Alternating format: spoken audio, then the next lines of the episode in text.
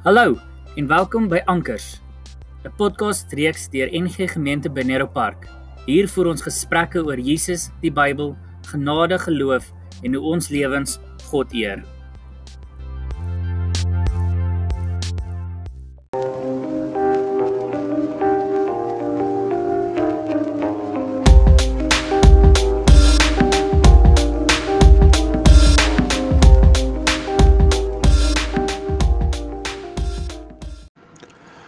Goeiemôre.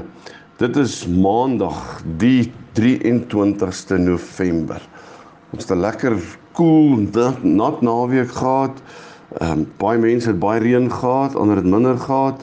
Maar ek dink ons almal het so 'n bietjie reën gehad hier in die Kempton Park area waarvoor ons baie baie dankbaar is. Nuwe week wat voorlê, so ehm um, nou kan ons weer aangaan. Ek wil vir oggend sommer 'n gedeelte uit Galasiërs 5 uitlees wat Paulus praat oor die Christelike vryheid. Ek wil net 'n paar verse lees. Hy skryf in vers 2. Hy sê kyk, ek Paulus sê vir julle as julle julle laat besny, sal Christus vir julle geen betekenis hê nie. Ek wil net gou daar stop. Dis daarom 'n verskriklike ding um wat hy sê om te sê as julle julle laat besny, sal Christus vir julle geen betekenis hê nie. Kom ons gaan verder. Ek sê dit weer nadruklik vir elkeen wat hom laat besny. Hy is verplig om die hele wet van Moses te onderhou.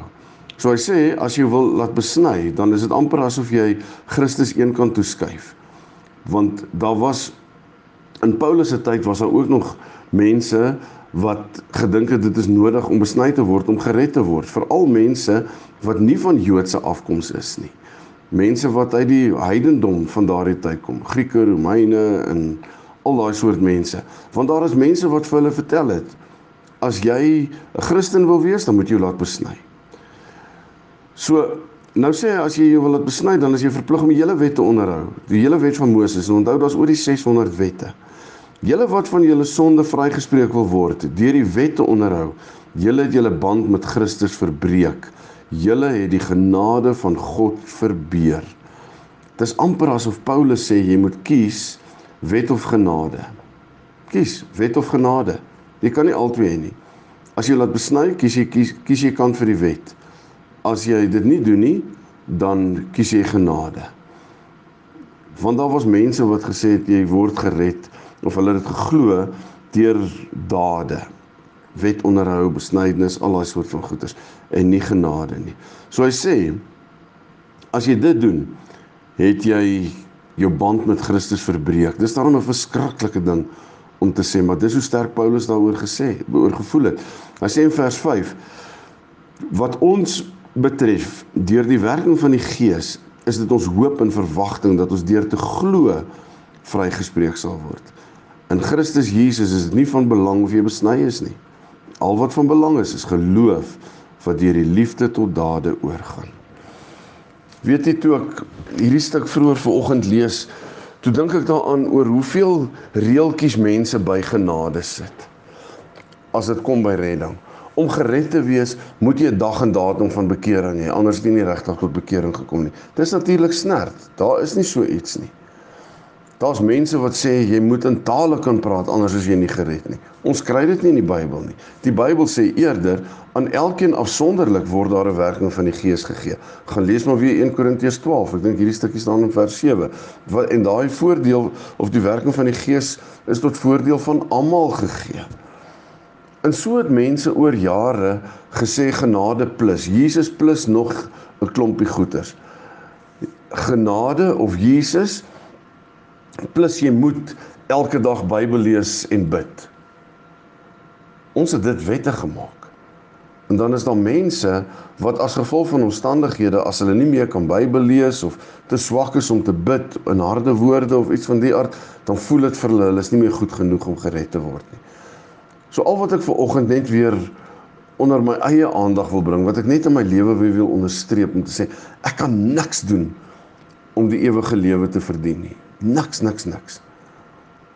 Al kom ek die hele wet na. Maar kan vaar nie vir Christus as my verlosser nie, dan help dit niks. So ons moet ver oggend net weer onthou, dit is Christus plus niks. Dis net Christus, net my verhouding met Christus.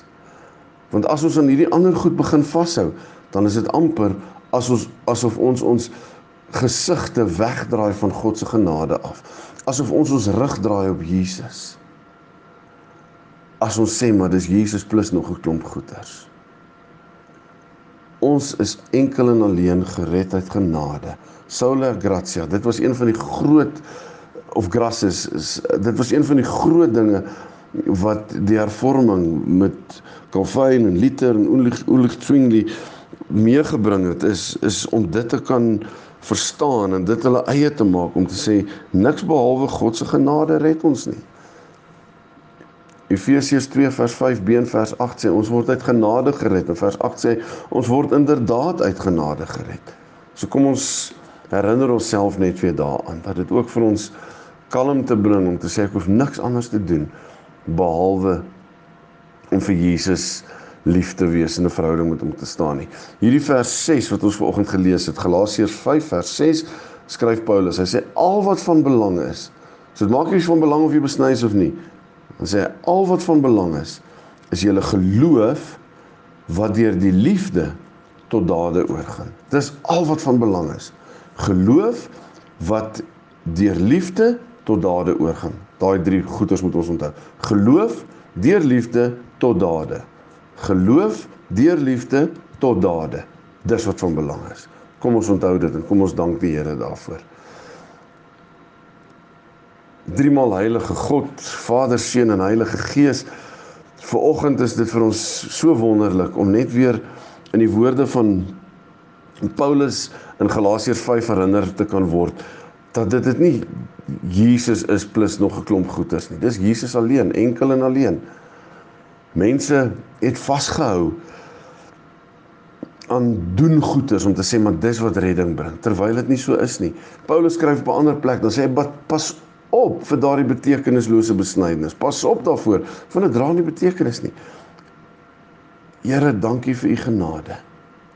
Heilige Gees, lei ons dat ons Paulus se woorde kan kan leef waarin hy sê al wat belang is is geloof wat deur liefde tot dade oorgaan. En dis waartoe ons ons verbind. Help ons asseblief elke dag en elke oomblik daarmee. En ons bid dit in die wonderlike naam van Jesus Christus. Amen. Lekker dag verder vir almal. Ons gesels môre weer. Totsiens.